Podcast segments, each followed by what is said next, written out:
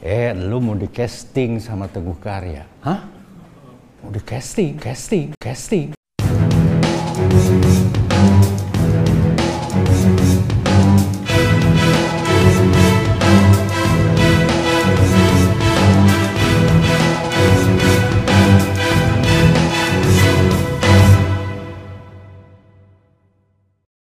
Assalamualaikum warahmatullahi wabarakatuh. Salam sejahtera sahabat Sintesa Indonesia di mana pun berada.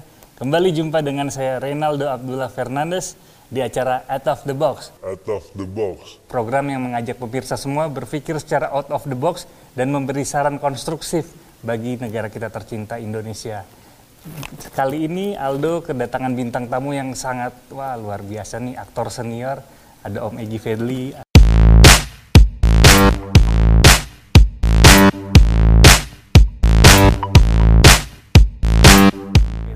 Assalamualaikum Om. Waalaikumsalam. Tapi sebelumnya kita lepas dulu Om ya.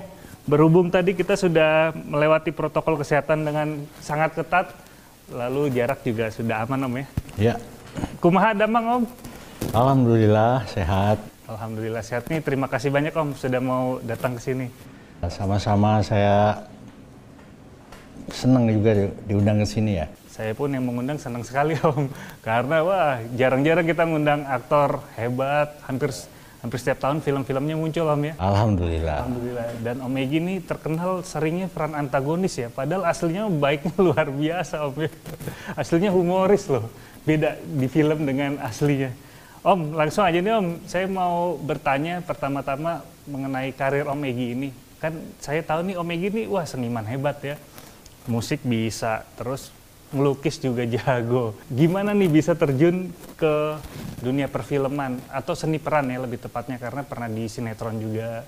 Eh, latar belakang saya sebetulnya SMP SMA itu saya ingin menjadi seniman karena saya tidak suka dengan pelajaran-pelajaran yang sifatnya ilmu pasti, kimia, fisika yang membuat saya nggak di situ gitu. Saya nggak kurang suka gitu. Saya tertarik justru dengan pelajaran-pelajaran seperti menggambar, menyanyi. Itu itu yang membuat saya berpikir saya ingin jadi seniman. Intinya gitu. Nah, pada saat itu saya di Bandung. Tahun terakhir keluar dari SMA itu tahun 1976. Artinya eh, mendaftar ke perguruan tinggi itu tahun 77. Dan karena cita-cita saya jadi seniman, saya mendaftar ke eh, seni rupa ITB. Ada dua pilihan saya bisa mendaftar ke satu ke ITB, satu lagi ke Unpad. Karena saya dari SOS, waktu itu ada SOS dan Paspal ya.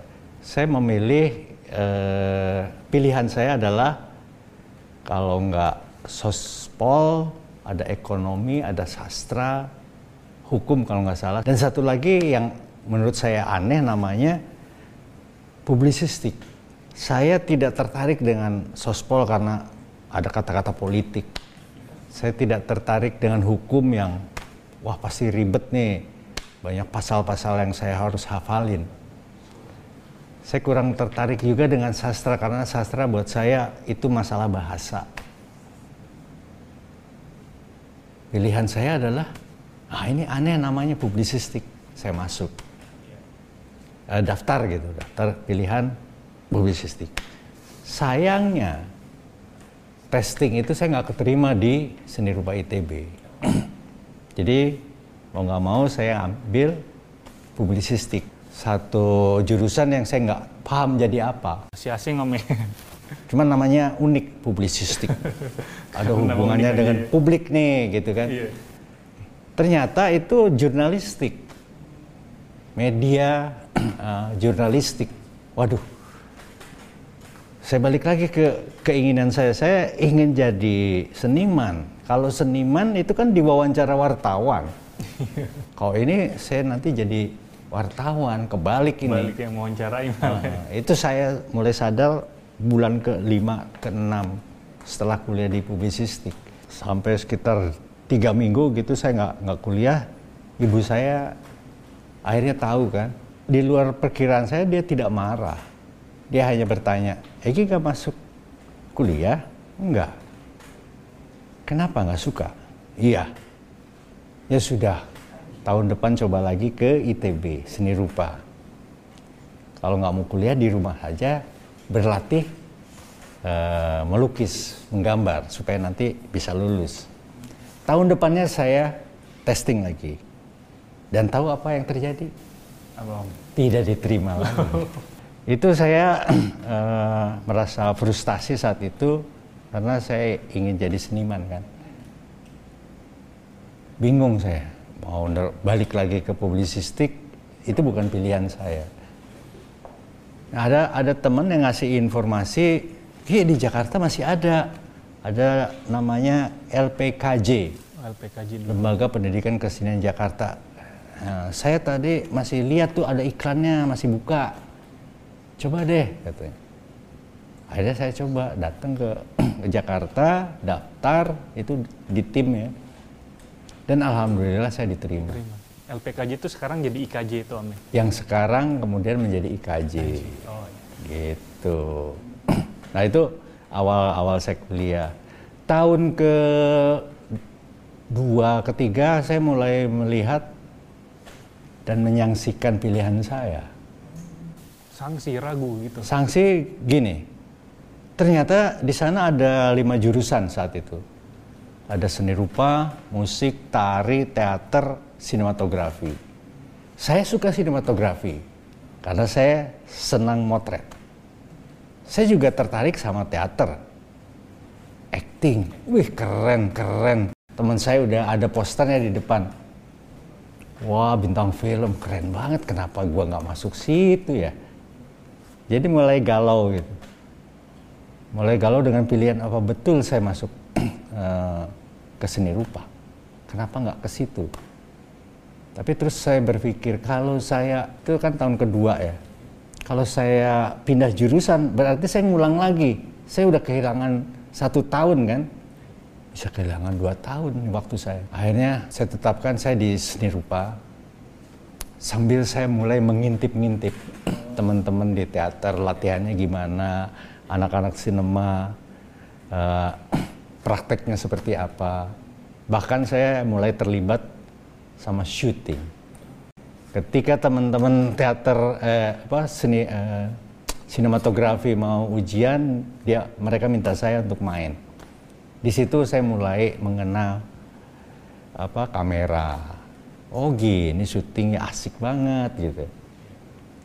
Ya itu Jadi awal perjalanan saya merasa salah, terus menemukan mencari solusi.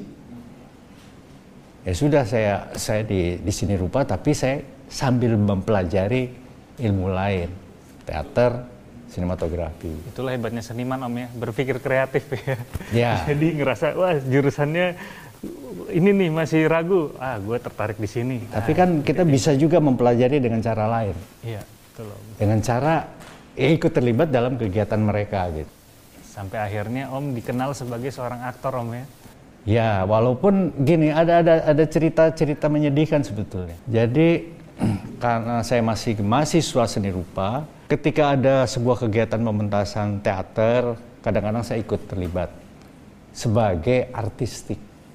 Nah, saat itu ada pementasan dari teater populer Teguh Karya. Teguh Karya adalah tokoh hebat. uh, dia sutradara teater dan film yang sangat terkenal, dewanya film. Saya membantu uh, pementasan mereka di Hotel Indonesia. Malam-malam lagi kerja, bikin-bikin setting gitu. Tiba-tiba saya lagi kerja di belakang ada yang ngajak ngobrol. Kamu anak seni rupa? Pas saya lihat, wah Teguh Karya. Kebayang dong, Teguh Karya ngajak ngobrol saya gitu. Oh iya Pak, sambil kerja ngobrol gitu. Intinya beliau nanya tinggal di mana, dari mana asalnya, umur berapa. Saya bilang saya dari Bandung. Uh, seni rumah ambil apa? Lukis, saya bilang. Sampai nanya di Jakarta tinggal di mana? Nah saya itu tinggal di kampus, hmm. tinggal di studio karena saya tidak mampu bayar kos. Saya tidur di studio. Saya, saya bilang saya tidur di studio. Oh gitu. Eh silakan. Bagus bagus kerja kerja. Udah kerja. saya pikir itu hanya obrolan biasa. Ternyata beliau ada maksud tertentu. Karena beberapa minggu setelah itu tiba-tiba ada orang datang ke kampus. Jadi ada orang datang ke kampus dan ternyata dia unit dari sebuah produksi. Nyari saya, oh ya ada apa? Ayo ikut ke sanggar. Sanggar apa saya bilang? Teater populer. Ngapain? Eh, lu mau di casting sama Teguh Karya. Hah? Mau di casting? Casting? Casting apa? Teater? Enggak, film. Wah, mimpi dong. Iya, iya. Mimpi yang saya anggap itu mimpi yang menjadi kenyataan. Udah, saya ikut mobil mereka sambil casting apa ya? Oh, begitu belum tahu arti casting om? Ya, casting itu ka- akan dites, tapi dites seperti apa? Seperti apanya? Dan apa ya? Di perjalanan itu begitu. Ya. Ya udah gimana ntar aja lah. Dia di mobil sampai ke sanggar dan tahu nggak di sanggar udah banyak anak-anak muda yang mau casting. Sebagian juga yang saya kenal teman-teman dari teater yang mereka melihat saya, ih ngapain lu ke sini?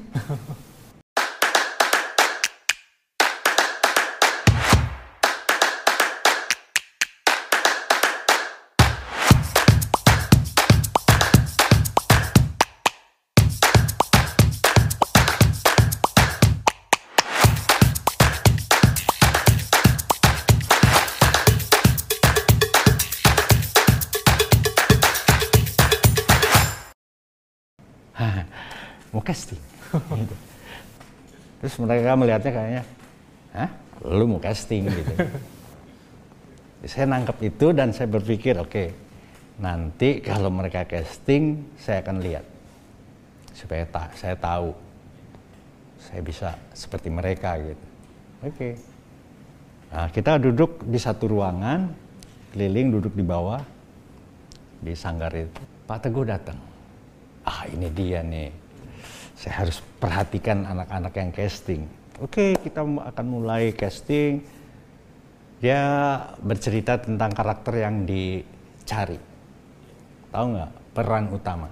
Wow. Pria. Wih, ini yang dicari. Peran utama. Usianya 18 tahun, bla bla bla bla bla bla bla. Dia orang daerah yang tinggal ke Jakarta. Eh, gue banget, gitu kan. Ini gue banget, gitu kan. Oke, kita mulai. eh, yang anak seni rupa itu mana? Hmm, berarti langsung dicari Om Egi ya? Saya di belakangnya. Saya lihat kiri kanan. Cuman gue. Saya pak. Hah kamu sini, sini. Di tengah lah berdua. Dan teman-teman yang lain. Kebayang nggak itu situasi yang buat saya ini gue harus ngapain, ngapain, ngapain gitu kan. Saya nggak tahu casting apa dan tiba-tiba saya ber- berhadapan dengan seorang Teguh Karya. Kamu bayangkan ini bukan sanggar. Ini adalah sawah. Ya. Itu bukan orang itu. Itu itu pohon-pohonan. Saya ingin kamu gunakan imajinasi kamu di sawah ini. Saya lagi mikir tiba-tiba Pak Teguh ke pinggir. Saya sendirian di tengah. Oke, gue harus mulai. Oke, apa tadi? Eh, menggunakan imajinasi. Saya di tengah sawah. Apa yang harus saya lakukan di sawah ini ya? Gitu. Ayo mulai. Iya, iya ya Pak. Di sawah, sawah. Ada apa ya di sawah? Ada ada pematang, ada padi, padi ada air, ada tanah yang turun. Oke, saya jalan, jalan di situ, loncat, jaga keseimbangan. Pas turun gitu ke kepleset jatuh, uh, basah nih. Sampai ujung balik lagi, disamperin lagi.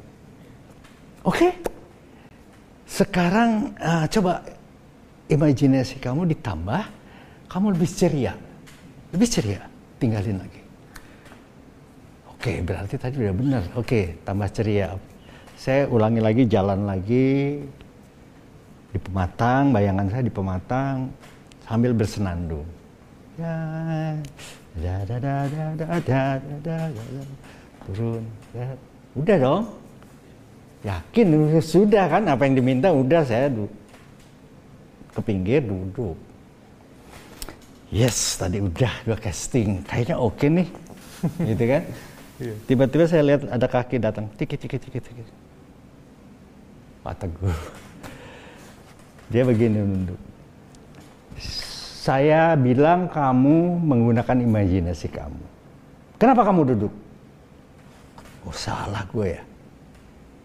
Saya mau berdiri, duduk. Udah, salah nih gue nih. Dimarahin. Tiba-tiba dia rambut saya udah gondrong dan menutupi kuping. Begitu, eh, disibak rambut saya. Saya tahu kamu tidak mendengar apa yang saya minta karena kuping kamu tertutup oleh rambut. Ya, terus gue habis mampus nih gue nih.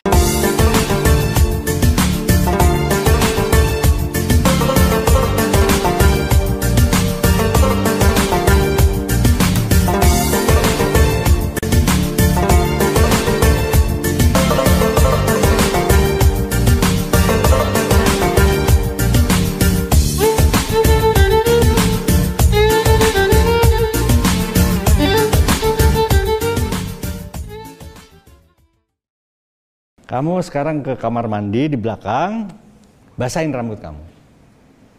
Cari ikatan supaya kuping kamu terbuka, digituin. Supaya kamu bisa mendengar apa yang saya minta. Iya, Pak. Kamar mandi, basahin, ikat. Balik, nunggu sampai semuanya di casting. Dan ternyata saya tidak dipanggil lagi.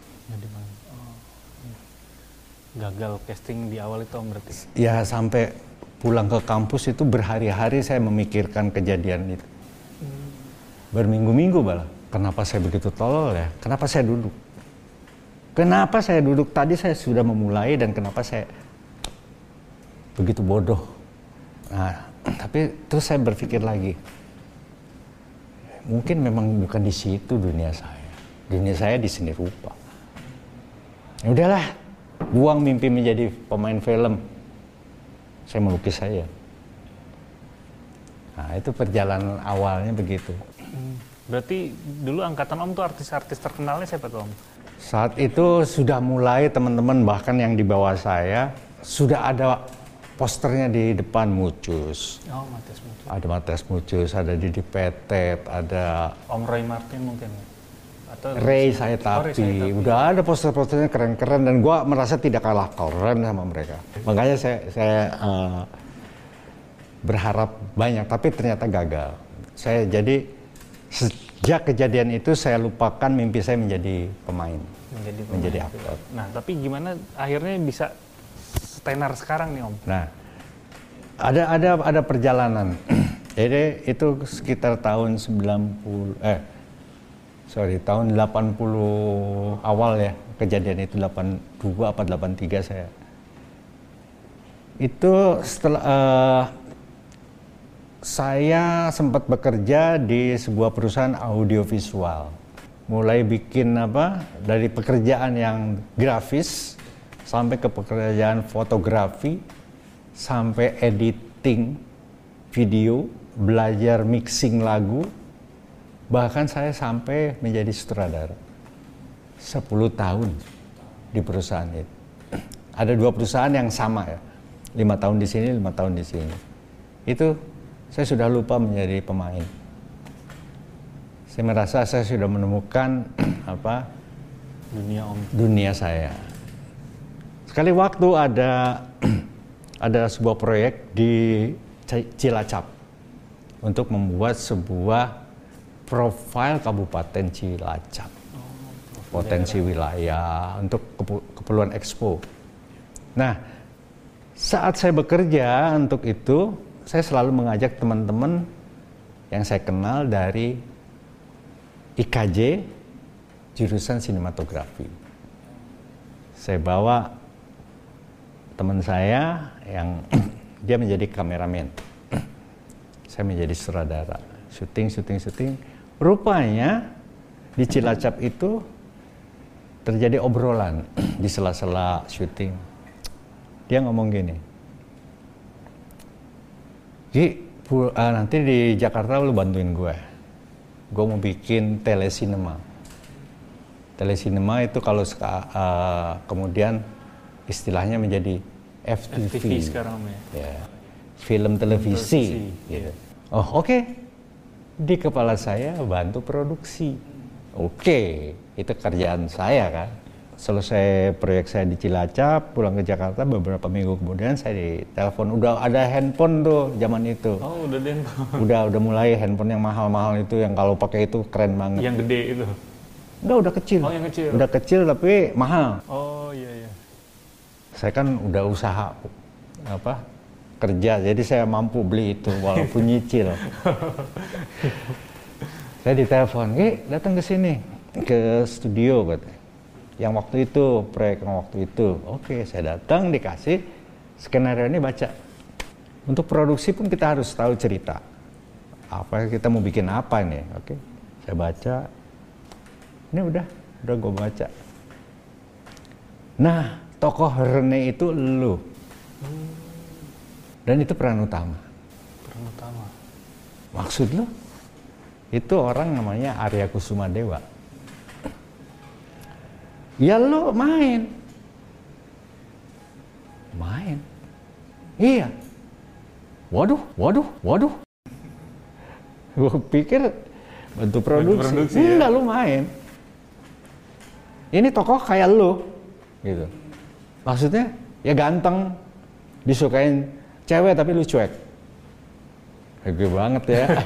Berarti maksudnya gitu ya? iya dong. Merasa ganteng disukain cewek tapi cuek. Eh, yang bilang ganteng bukan gue, Oh, orang iya. lain. Penilaian orang. Tapi yang- pas ngaca iya juga tapi ya. mengiyakan ya. Oke, akhirnya nah saya ingat kejadian lebih dari 10 tahun yang lalu yang pertama saya di casting gagal. Iya. Saya berpikir itu dulu saya dapat kesempatan emas dan gagal. Ini ada kesempatan kedua. Kalau nggak saya ambil, mungkin tidak akan pernah ada kesempatan ketiga. Jadi saya bilang, oke gue mau. Lalu syuting lah. Syuting dan sampai selesai dan tayang. Nah begitu tayang, ternyata dampaknya luar biasa. Itunya booming om filmnya itu. Bukan sekedar booming, tapi teman-teman dulu yang kenal saya kaget. Ih, si Egi main film. Gitu kan. Si Egi anak sendiri main film. Salah satunya ada teman saya yang sudah jadi produser di Indosiar. Saya dicari. Dapat, saya suruh datang ke Indosiar. Namanya Nawir Hamzah. Almarhum dia sekarang. Eh, dia ajak saya ke ruang drama. Di situ ada ketemu sutradara-sutradara muda.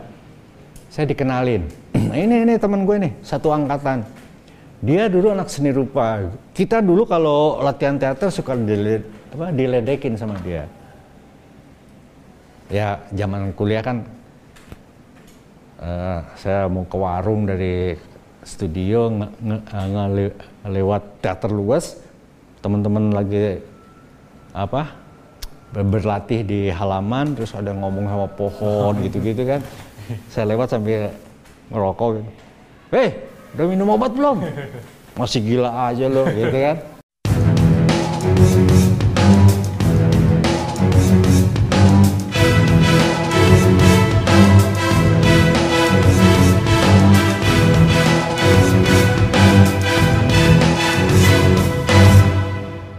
Para sahabat, jangan lupa like, subscribe, share, dan komen channel YouTube kita, Sintesa TV.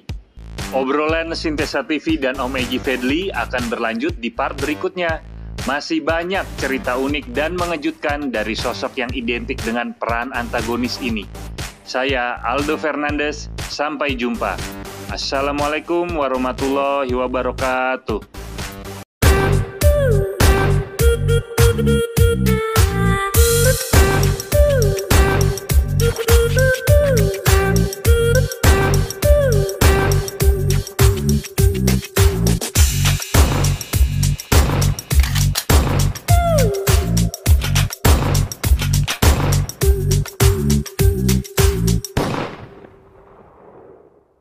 Assalamualaikum warahmatullahi wabarakatuh. Sahabat Sintes Indonesia di mana pun berada.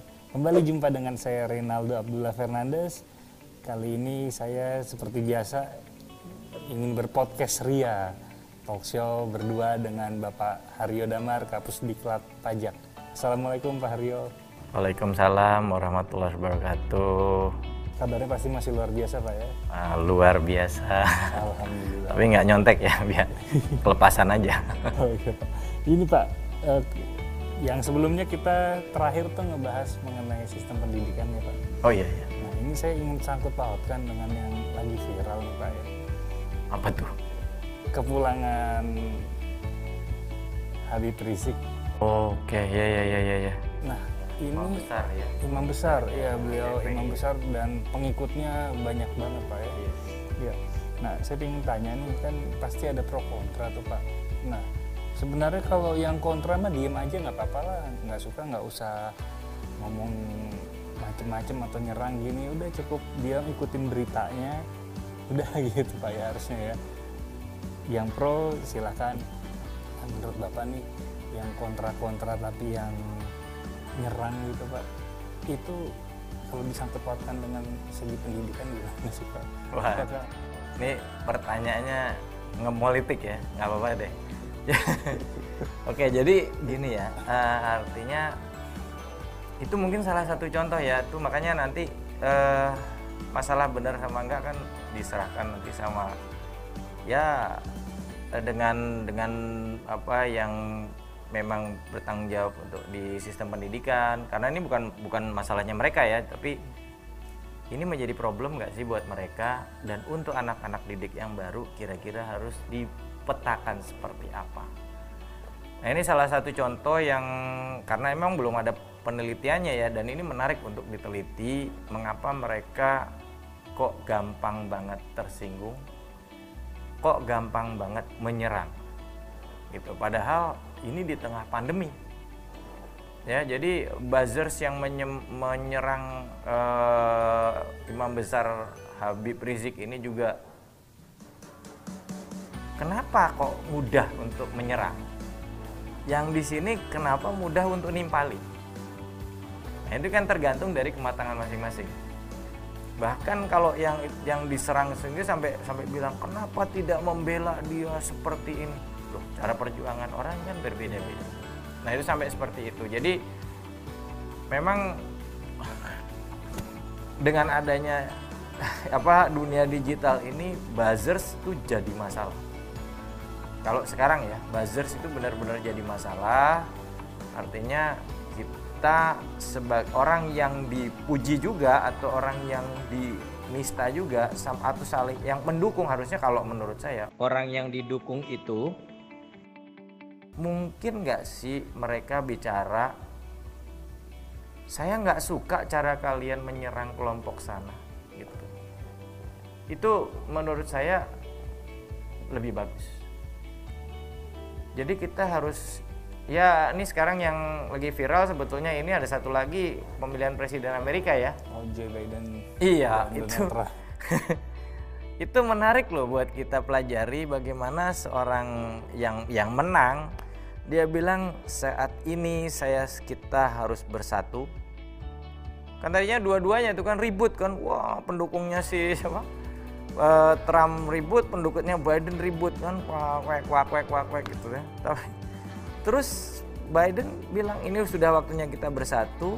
Saya akan memimpin ya kan? Saya akan memimpin eh, orang baik orang yang memilih saya maupun orang yang tidak memilih saya. Itu buat kita contoh yang bagus sekali. Nah ini presiden ya.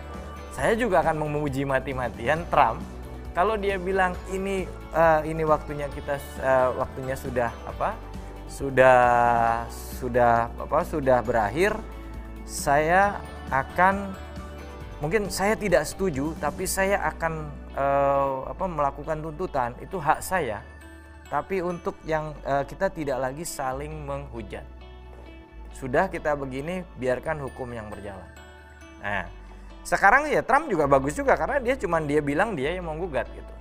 Asal pendukungnya tidak ribut-ribut. Nah kalau ini kejadian kan sudah tenang lagi tuh Jadi kita siap siap maju ke depan gitu. Nah, harapan saya sih begitu gitu. Jadi ya mungkin dari yang pendukung eh, mungkin dari yang ata, yang ininya aktor-aktornya yang mendukung betul di atas kan kita paternalis ya. Artinya kalau paternalis eh, apa kata yang memimpin di bawah ngikut semua gitu loh. Ya dari dua belah pihak lah. Saya nggak suka cara kalian tuh kok begini sih gitu. Artinya ini lagi musim pandemi kita harusnya bersatu kita harusnya ngumpul di RT masing-masing punya satgas kita nggak ngomongin soal covid aja kita ngomongin soal ada TBC di situ ada DBD di situ ada narkoba di situ. Ayo kita solusi di situ. Kan begitu. Kalau nggak suka ya ada salurannya ini negara hukum. Gitu kan? Kan kemarin saya bilang jadi kita berdiri di kaki orang supaya kita melihat bahwa oh Mas Aldo tuh begini ya jadi saya ngomongnya harusnya begini. Kalau saya nggak suka nggak suka ya masuk ke koridor hukum dong. Ya kan kalau misalnya koridor nggak percaya ya masuk ke pemilihan umum. Kalau pemilihan umum ini ya berarti kan berarti cara kita kampanye belum belum pas. Artinya pendukungnya belum siap. Kalau udah siap mau diapain dicurangin nggak mungkin bisa. Gimana cara nyurangin orang sekarang udah sangat terbuka gitu jadi pakai koridor yang ada ya kita berjalan di situ gitu. Itu itu sih harapan saya. Jadi memang nah problemnya problem di mana? Itu tadi apakah di sini problem di level keempat tadi? Artinya pada saat ada sesuatu kita oh ntar tak pukul tak pukul kamu. Begitu emang ada di pikiran kan gitu. Pukul aja pukul. Kan ada brain echo tuh. Pukul aja serang aja gitu kan. Ya, kalau tapi pukul. kalau dia prediktif kalau saya pukul hasilnya bener nggak sih? Nah jadi waktu ada pikiran apa apa diskusi dulu deh otak masing-masing gitu. Nah itu itu mungkin juga tuh problem pendidikan tuh. Iya kalau cuma pukul, kalau penggal. Penggal, nah itu kan nah, jadi kayak kejadian yang di, kejadian, di, nah itu yang kejadian kayak di Perancis itu kan coba bener nggak gitu loh. Nah malah kita lucu lagi kan, malah kita bela-belain lagi kan. Nah waktu kita mau ngomong, karena apa? Sekarang apa di dalam demokrasi ya sekarang ya demokrasi kita kan kata demokrasi Pancasila. Apa pun juga di alam demokrasi di mana kebebasan bicara itu bisa begitu dan kebebasan mencet tombol itu kan sekarang mulutnya dua ya. Eh, jempol sama mulut gitu ya. Itu bukan lidah tidak bertulang nah, jempol bukan lidah jempol. jempol, ya. jempol kita lemas gitu. Itu kita memang harus benar-benar mikirin apa yang mau kita tulis apa yang mau kita omongin. Efeknya di sana bakal seperti apa Terus negara ini perlu nggak omongan seperti ini sih? Produktif nggak sih omongan kita ini? Itu yang ini makanya kalau tadi ya itu Biden ya. Kalau mau kita ambil contohnya ya orang Islam, contohnya Rasulullah lah. Kapan sih mereka justru hebat-hebatnya? Kan justru perang perang Uhud kan? Gitu dengan perang Uhud terjadi dialog uh, kesadaran manusia jalan. Jadi dengan cara yang santun justru waktu masuk ke Mekah itu 10 ribu orang masuk nggak ada peperangan. Orang nerima. Pertanyaannya bisa nggak pada saat orang marah-marah kita justru merangkul dia? Nah mungkin Mas Aldo ada contoh. Oh iya benar. Uh. Uh, saya ingat waktu itu saya nonton kayak channel YouTube gitu nonton YouTube. Jadi seorang ibu muslimah. Kan selama ini kan muslim mungkin dianggap karena media juga dianggapnya apa negatif gitu pak ya. Iya. kalau nggak teroris terus apa yang apalagi yang kasus di Perancis itu kan Betul. yang menggal kepala itu kan mencoreng nama Islam juga kan. Ya, terus sebenarnya itu iya sebenarnya ada ibu yang muslimah di Amerika saya lupa di daerah mana. Itu anaknya jadi korban korban kriminal tapi seorang ibu itu datang ke pelaku kriminalnya meluk jadi sama persis apa yang dilakukan oleh Paus Yohanes Paulus kedua ketika ada uh, pelaku yang ingin menembak beliau beliau malah nyusul malah ini kan itu kan sebenarnya bisa ngangkat derajat agamanya juga kan yeah. iya yeah. jadi nah itu alhamdulillahnya pas ada konten-konten itu atau apa bisa lah dilihat jadi jangan dilihat aja uh, agama tertentu cuma jeleknya gini gini gini padahal banyak keindahan keindahan di situ dan manusia kan berbeda-beda juga kan iya nah justru itu yang harusnya kita nah itu itu bukan masalah apa sih itu masalah kematangan iya kemanusiaan juga iya masa, eh, masalah kematangan berpikir jadi jadi dari kematangan berpikir kalau di kita tidak matang maka cara bertuhan kita tidak matang. Cara kita menghadapi manusia kita tidak matang. Kenapa? Selfishnya tumbuh. Karena selfish itu tumbuh dari sifat kebinatangan. Binatang tuh cuman waktu itu dua dia. Pada waktu dia lihat takut, ya kan kan kita cerita kan takut dia lari. Kalau dia berani dia serang. Isinya cuma serang sama takut, apakah dia layak disebut manusia? Itu dia. Dan ini level ini itu binatang juga bisa menganalisa sehingga pada waktu orang itu pinter tapi di level yang terakhir ini nggak bener makanya dibilang dia akan lebih jelek dari manusia karena brain echo-nya gila-gilaan nanti gua gua potong sekali gua iris-iris nggak ada kucing bilang begitu ya kan macan nggak ada yang bilang begitu paling saya makan udah saya kenyang bagian yang makan dia bawa pergi manusia dimutilasi segala macam dihilangin dimasukin ke kimia di ini Kenapa? Karena level analisis dia orang orang bodoh. Enggak, itu orang pinter banget. Karena dia sudah membuat rencana yang begitu hebat sampai nanti bukti hilang semua. Ya gak? Tapi level di prediktifnya makanya kematangan otak dia tidak bagus. Nah kalau kita masih ada keributan begini, masalahnya di mana? Bagus nggak ini jadikan contoh dari dari satu masalah di sistem pendidikan kita. Itu yang yang yang kita harus uh, kita berpikir balik ya nah, itu kan jadi seru tuh gitu ini terima kasih banyak nih Pak Haryo wah saya berapa kali podcast sama Pak Haryo nih banyak ilmu banget hitung-hitung sekolah kuliah gratis Pak.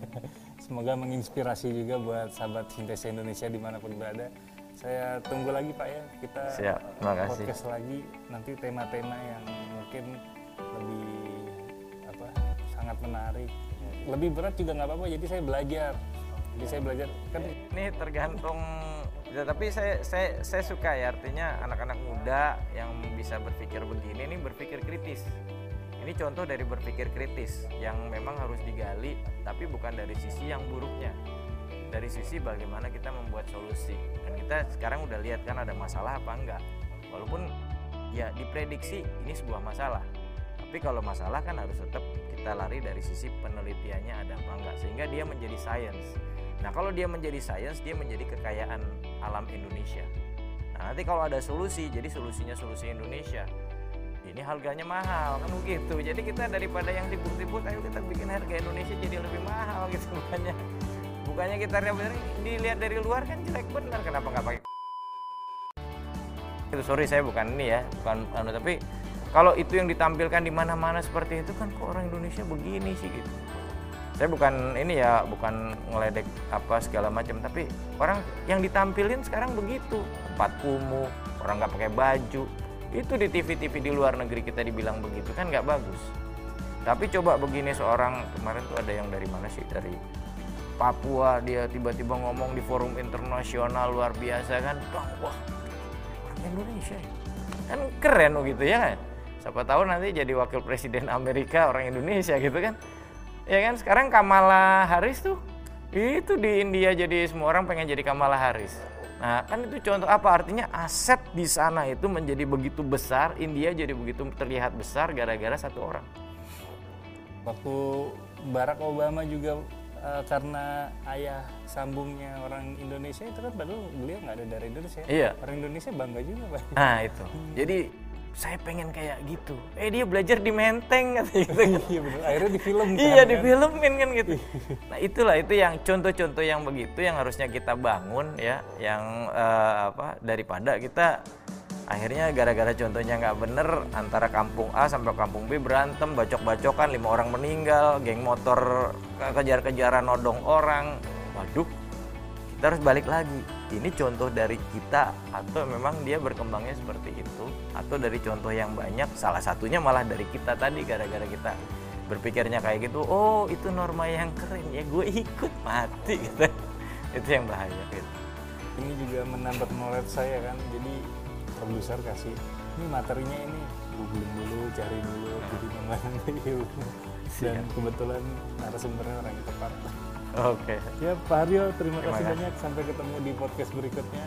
Baik sahabat Sitas Indonesia di mana pun berada, demikianlah interview saya. Edukasi dengan Pak Haryo. Semoga menginspirasi, mendidik pastinya ya. Jangan lupa di like, di komen, di share, di subscribe juga. Jangan lupa juga di follow IG-nya Sintesa underscore Indonesia. Akhir kata mohon maaf sekali lagi kalau ada salah-salah kata, ada kata-kata yang menyinggung, yang diviralkan ya. Assalamualaikum warahmatullahi wabarakatuh. Waalaikumsalam warahmatullahi wabarakatuh.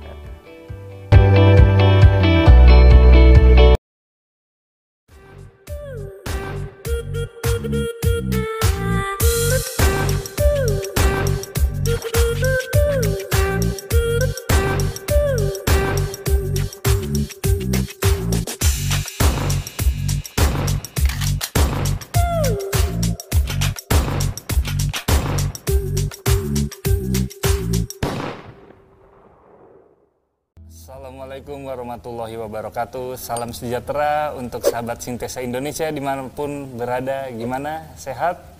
Semoga sehat-sehat semua ya Jumpa lagi bersama saya Reynaldo Abdullah Fernandes Seperti biasa saya bersama bintang tamu yang sering selalu menemani saya di acara podcast kali ini ada Bapak Haryo Damar. Assalamualaikum Pak. Waalaikumsalam warahmatullahi wabarakatuh. Ada bosannya kan Pak? Saya undang terus ke sini. Kita ngobrol-ngobrol. Iya, pokoknya buat eh, buat semua kita sama-sama belajar, sama-sama sharing. Iya sharing ilmu. Kalau di acara ini saya bilang ilmu ilmu yang tidak diamalkan itu ibarat pohon yang tidak berbuah Pak ya. Jadi Pak Haryo ini kan banyak ilmu. Jadi harus wajib diamalkan ke saya dan sahabat sintesa di mana pun berada Pak ya. Ya Pak, eh, saya sebenarnya waktu itu terakhir kita ada sempat nggak terakhir banget sih ada apa episode yang kita membahas mengenai pendidikan. Di situ saya sebenarnya masih ada satu pertanyaan tapi eh, durasi Pak, durasi. Jadi itu saya sebenarnya jadi nggak saya tanyakan tapi penasaran, saya penasaran penasaran gitu tuh Pak mengenai yang apa pendidikan dan pelatihan. Ap- kalau saya sempat berpikir apa benar ya kalau pendidikan itu lebih ke mendidik segalanya termasuk attitude, mental, terus pokoknya integritas. Sedangkan pelatihan khusus skill aja. Jadi kayak misalkan pelatihan pajak, jadi skill-skill perpajakan atau pelatihan khusus driving mobil berarti itu doang atau pelatihan diving khusus ke skill diving menyelam gitu atau seperti apa tuh Pak? Boleh dijelaskan? Nah, beda ya sama kalau yang diving segala macam itu lebih ke bukan pendidikan dan pelatihan. Nah, itu namanya latihan saja. Tapi begitu namanya diklat sebetulnya sama.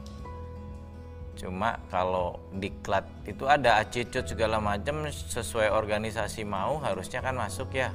Tidak hanya tidak hanya teknik, tapi di situ juga acicut masuk. Acicut yang seperti apa untuk menghadapi misalnya menghadapi wajib pajak.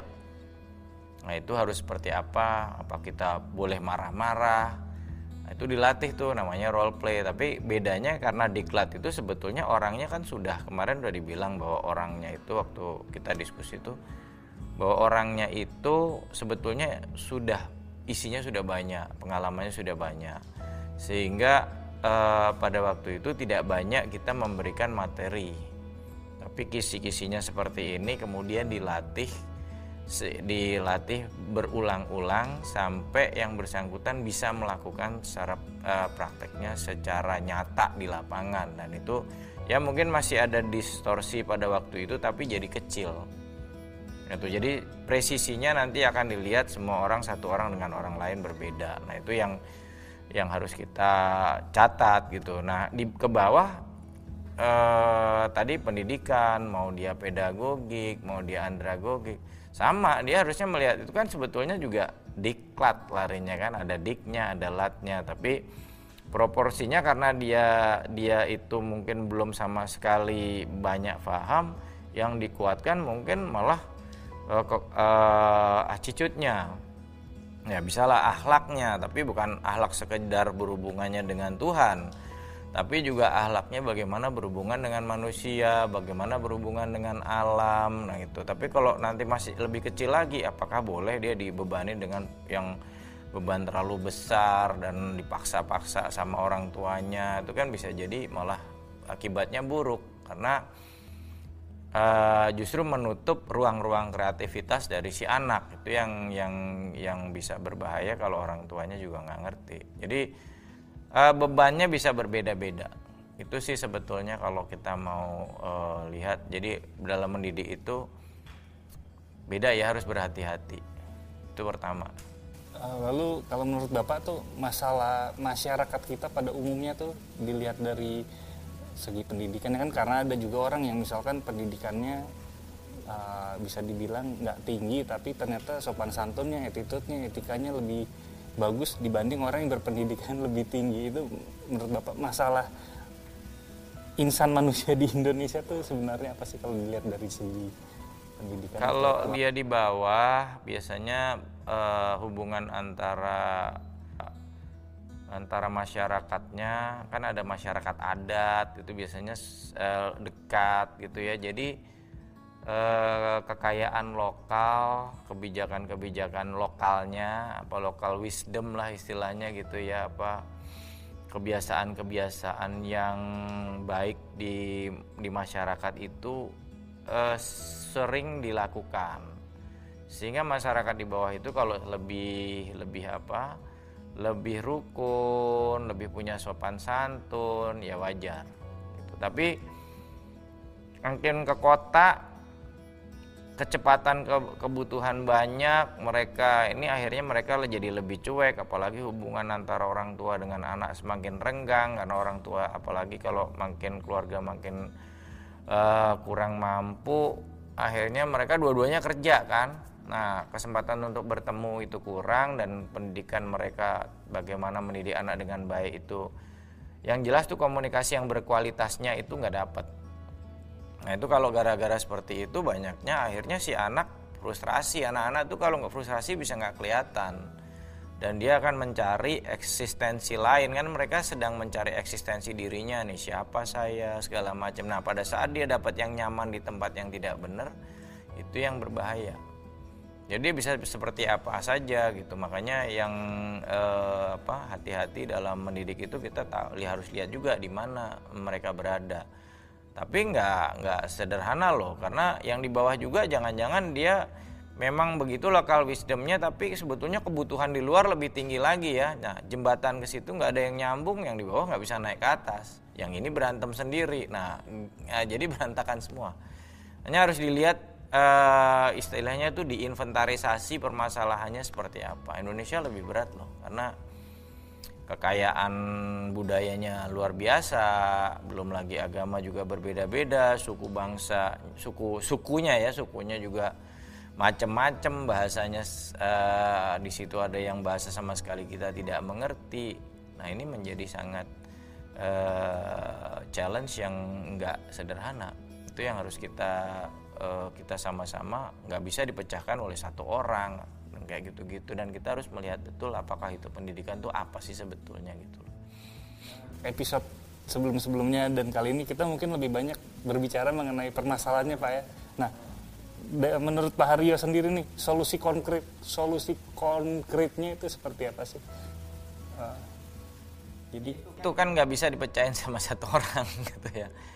Uh, cuma ini aja dulu deh pendidikan itu harus kita definisikan seperti apa. Jadi kalau pendidikan itu kan larinya bahwa yang saya paham sebetulnya nanti kita pengen membentuk manusia yang seperti apa di Indonesia yang sesuai dengan tujuan kita negara kita seperti apa tapi pada waktu dia ada di situ wadah pendidikan ini mencerminkan betul negaranya nah ini dulu apakah nanti begitu dia lulus SMA misalnya dan dia sudah bisa menggunakan kan itu sekolah dasar ya sekolah umum. Berarti dasar-dasar e, berperilaku yang baik dasar-dasar dasar-dasar melaksanakan pancasila ya kan gitu ya kan? Kan kita payungnya katanya semua berasaskan pancasila. Padahal walaupun Pancasila itu ditemukan dari badan kita sendiri bahwa orang Indonesia itu seperti itu sehingga banyak uh, di luar negeri pun mereka senang kalau bergaul dengan orang Indonesia karena memang di dalamnya ada Pancasila gitu. Tapi kan praktek-prakteknya itu juga nggak sederhana dan itu yang harus dibuatkan satu metode yang komprehensif.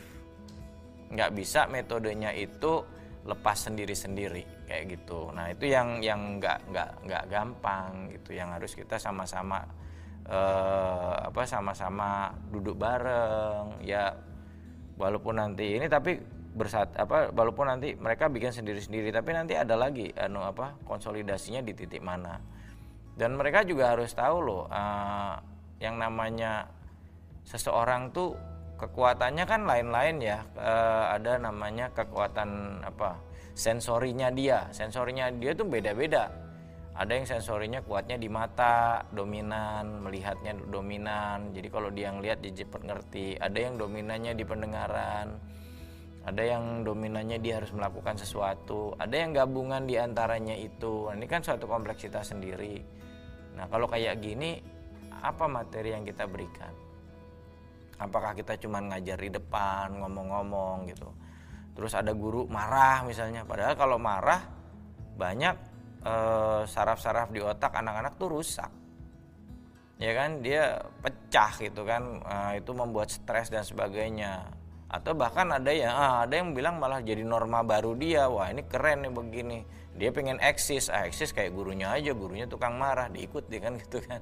Itu juga hati-hati gitu. Jadi memang seorang guru di, di makin ke dasar dia harus benar-benar tahu ini anak uh, dia harus banyak memperhatikan gitu. Makanya kalau di luar negeri itu biasanya ada dua orang. Tapi kalau dua orang kita kuat nggak bayarnya gitu. Ya kan? Itu nanti jangan-jangan dana terserap semua ke sana apa apa seperti itu gitu. Dua satu yang menilai anaknya. Nah itu yang yang kita harus harus bagaimana nih kayak nah itu satu tuh baru dari segi sensori. Belum lagi cara kerja otak. Cara kerja otak kan beda-beda. Ada orang yang kritis. Ada apa-apa langsung ah masa begitu sih? Ah masa begini sih? Kritis dia kritis memang.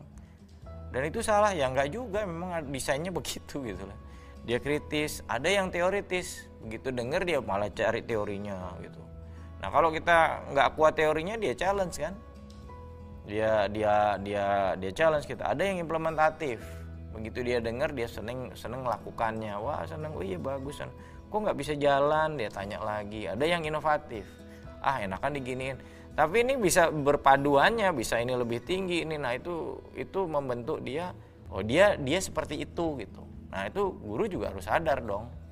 Manusianya itu model sensori seperti apa cara kerja di otaknya seperti apa nah ditambah lagi pengalaman-pengalaman dia masa lalu. Nah tiga inilah membentuk kebiasaan-kebiasaan dia.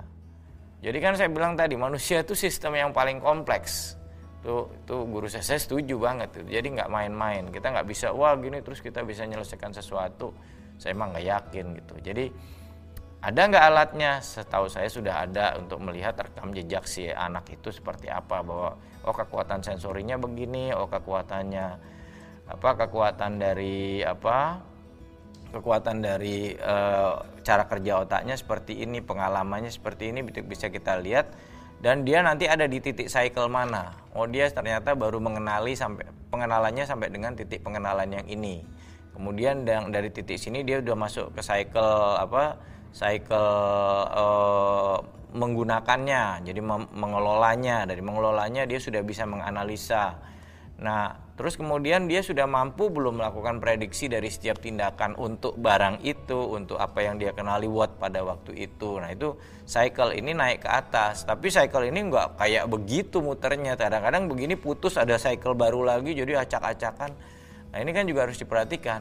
Dia ada di mana. Dan itu belum belum ini lagi loh, belum belum sederhana lagi.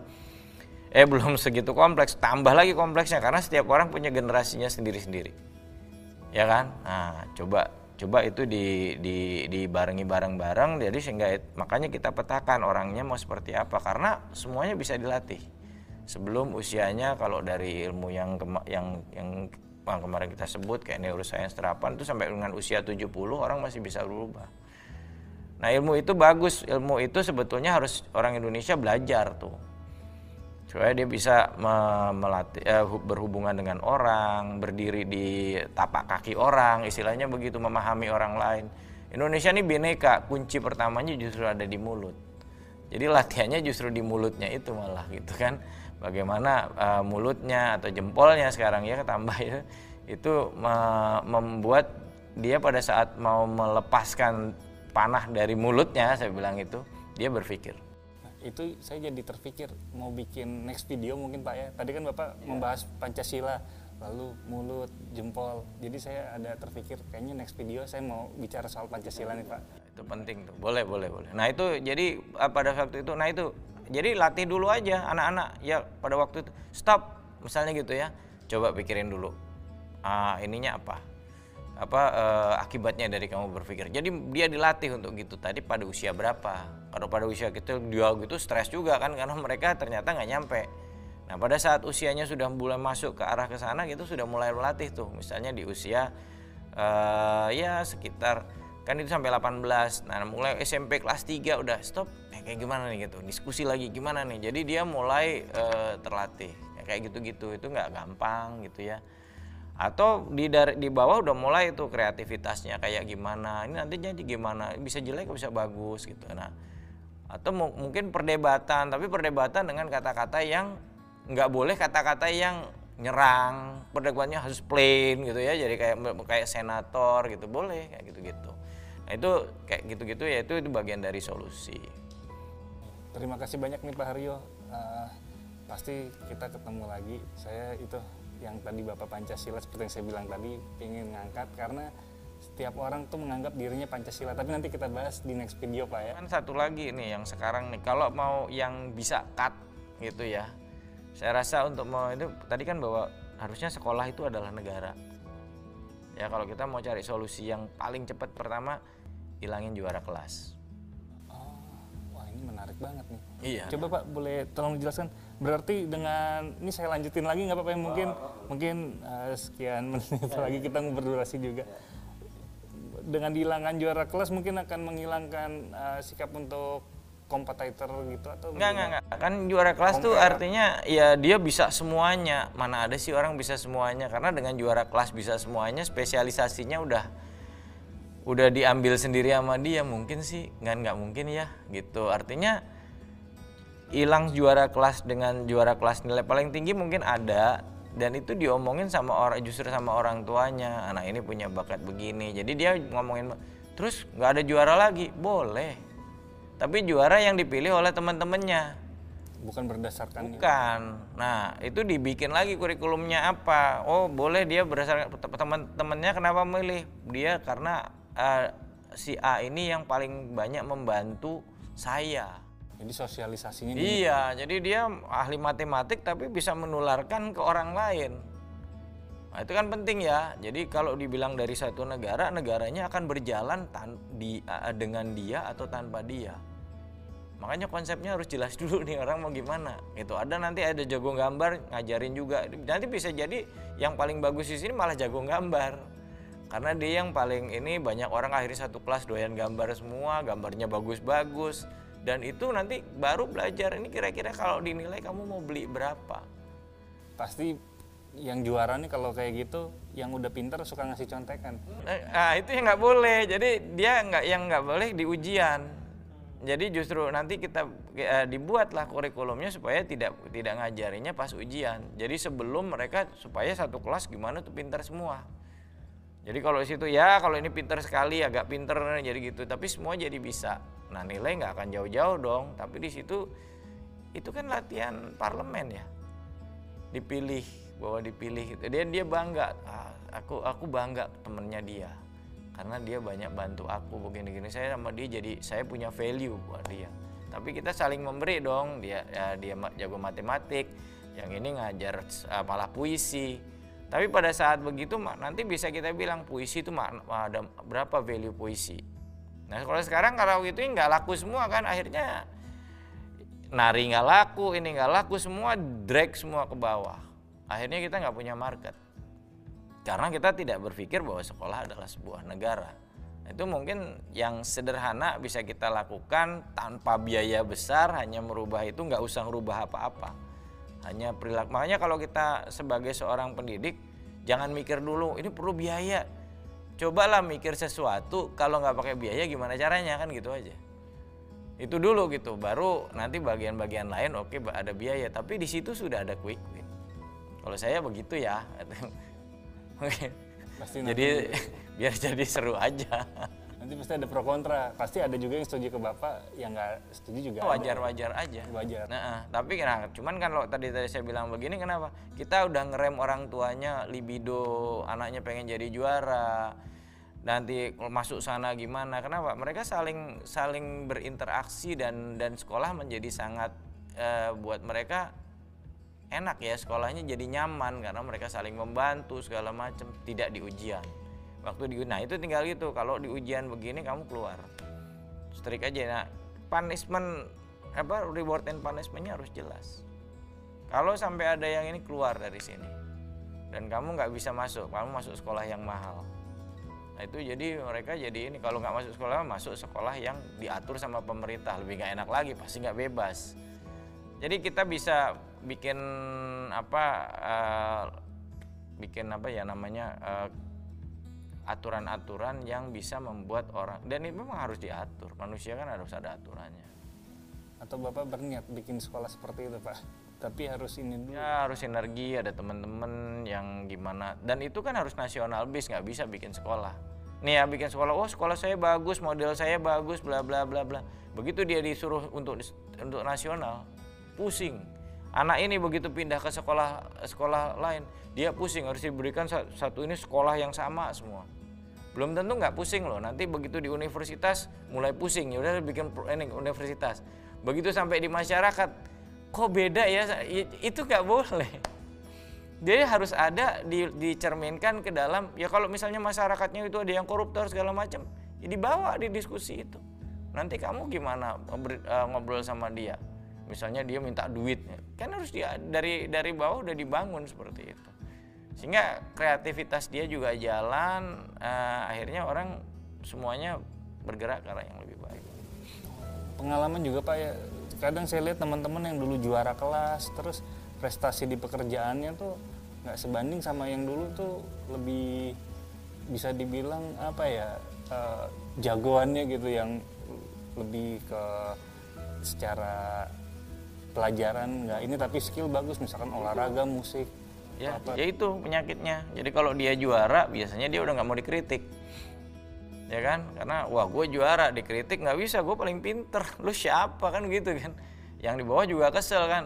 Ntar lo gitu. Jadi nggak ada yang bener. Masyarakat udah terbelah gitu. Jadi kita udah diben, dibelah dua dulu nih DVD Etimpra udah dimulai sejak di sekolahan. Tuh gara-gara kayak tadi kan? Wah saya the powerful loh aku bisa semua. Dan ternyata nggak saya aja yang ngerasain. Banyak teman-teman. Jadi saya waktu itu pernah punya teman ya bisa dibilang karirnya bagus ya di ini. Ternyata itu mereka rata-rata pernah tinggal kelas pernah nggak naik kelas. Ya, ya. tapi prestasi dalam kerjaannya bagus-bagus. Jadi waktu ya. pas ngobrol-ngobrol eh gue juga pernah nggak naik eh gue juga pernah ya, naik. ya, wah kita tim nggak naik kelas nih gitu. ya karena kan kebentuk dia kebentuk lebih tough ya lebih tahan dia dapat cobaan yang begitu dia nggak nggak apa dia jalan terus sampai dia berhasil. Itu dia sebetulnya sedang terdidik dibandingin yang ini gitu. Karena di atas kita malah khawatir nih kalau kena cobaan gimana nih? Jangan-jangan malah bunuh diri. Kan bisa begitu kan? Karena dia uh, dia udah di kayak merasa di leading point gitu. Itu yang nggak boleh gitu. Itu yang dan itu hati-hati gitu karena kalau nanti nah itu yang membentuk kalau misalnya kita misalnya jadi pejabat gitu ngelihat orang melengak gitu diajak ngomong gini kalau dikritik malah uh, ya kalau orang ngomong bagus malah dia ngomong lebih bagus. Akhirnya nggak pernah ketemu kan? Akhirnya mau dapat usulan apa? Sebenarnya dia ngomong lebih bagus ngomong lebih bagus. Nggak ketemu. Harusnya begitu kita ketemu oh ya kita setiap orang nyari sisi-sisi di mana kita bisa bertemu kan orang agama juga bilang begitu kan aku buat manusia untuk saling mengetahui kan untuk saling mengisi gitu nah kalau dia begini terus kan nggak seru harusnya begitu dia gini dia cari sisi lain oh ketemu klik nah itu jadi sinergi Duh, terima kasih banyak nih Pak Rio. Uh, saya tunggu ya next video yang membahas Pancasila itu. ya. Ya baik sahabat Sintesa Indonesia di mana pun berada demikian perbincangan saya dengan Pak Haryo Damar selaku Kapus Diklat Pajak yang sangat menginspirasi tentunya banyak ilmu-ilmu yang diberi dan jangan lupa di like, di komen, di share dan juga di subscribe. Sekali lagi saya ingatkan jangan lupa di like, di komen, di subscribe dan jangan lupa juga di follow Instagramnya Sintesa underscore Indonesia. Akhir kata, mohon maaf kalau ada salah-salah kata. Assalamualaikum warahmatullahi wabarakatuh. Waalaikumsalam warahmatullahi wabarakatuh. Makasih Mas Aldo.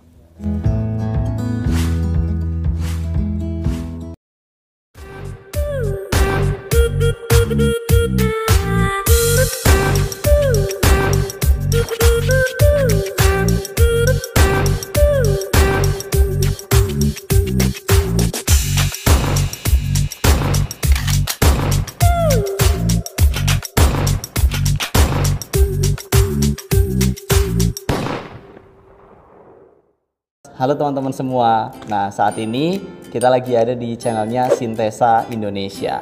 Nah, kali ini kita berada di kantor Pusdiklat Pajak. Saat ini kita sedang bersama Bapak Haryo Damar. Ya, terima kasih Pak buat kesempatannya. kasih. Ya, saya di sini selaku Kasih banyak. saya di sini selaku anak muda Pak mewakili teman-teman freelance, mungkin youtuber juga atau teman-teman yang arahnya ini mencari uangnya di di internet Pak. Jadi kami itu eh, larinya di internet kayak ada uang yang lagi terbang-terbang. Nah kali itu nangkepin.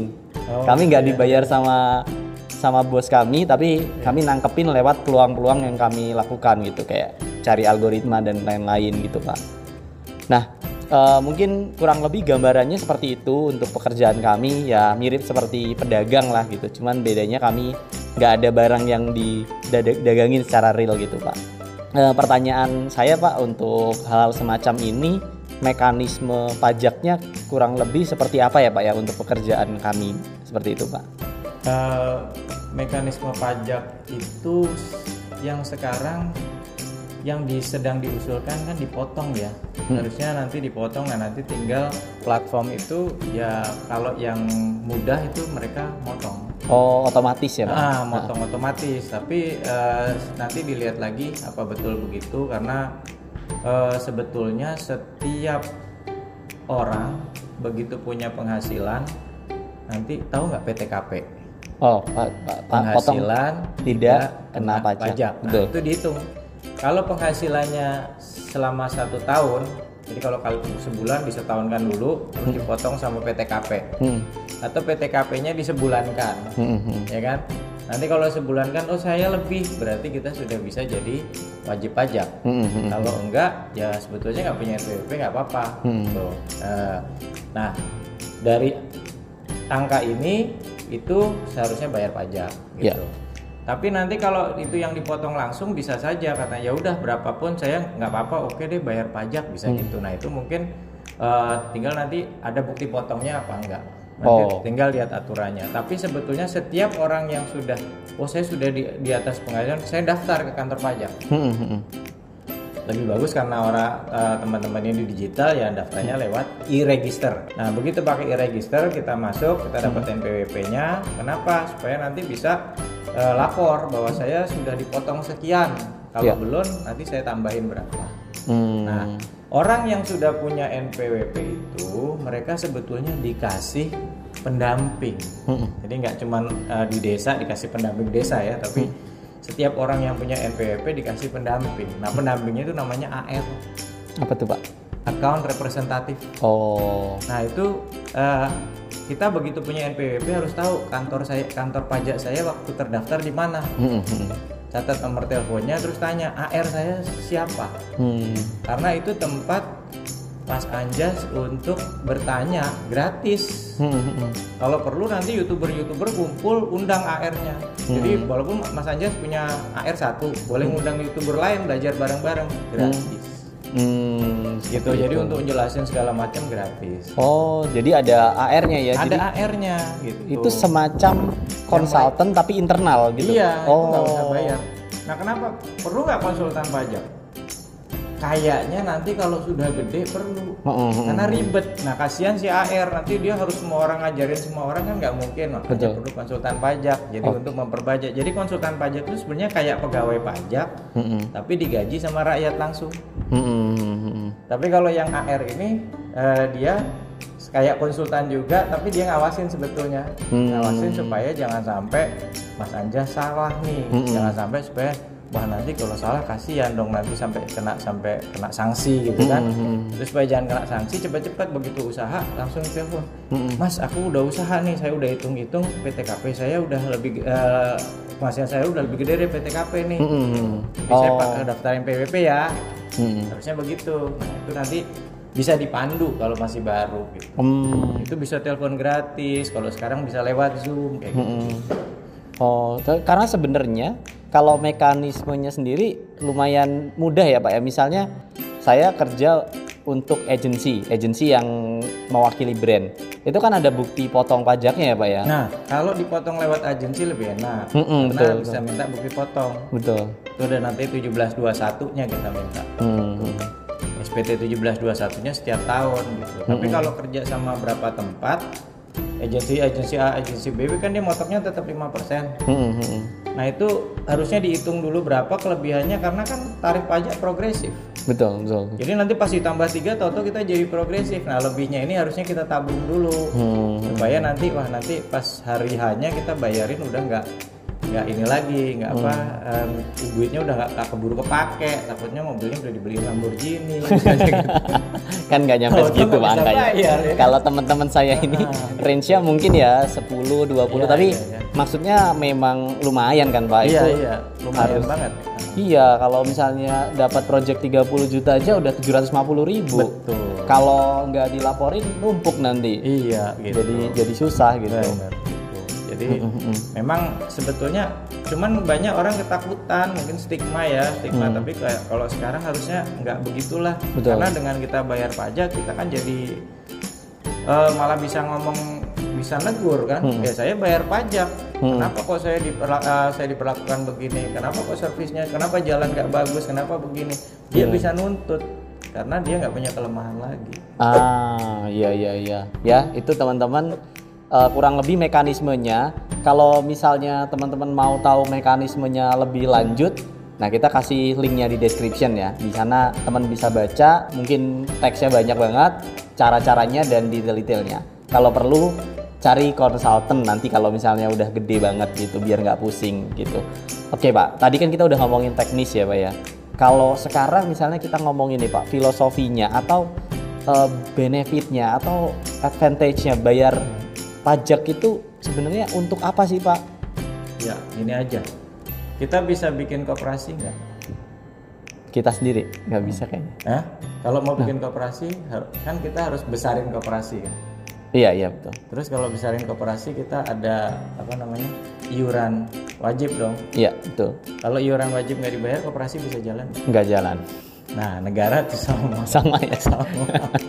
Jadi begitu kita nggak nggak ba- nggak patungan bareng-bareng, negara nggak jalan. Jalan, oh bisa. Tapi apa? Jual negara. Karena kita tambangnya jualin semua sampai habis. Nanti habis itu kita bangkrut gitu ya. Oh serem juga. atau kita ngutang sebanyak-banyaknya akhirnya kita jual diri kan gitu akhirnya disuruh jadi tukang aja loh Oh. ibaratnya kan jual diri ya kita ya akhirnya disuruh bekerja sama negara ini yang ngutangin udah kamu nggak bisa bayar kan jadi kacung saya aja gitu kan begitu Hmm. tinggal begitu aja gitu jadi kalau mau bangun negara ya kita patungan.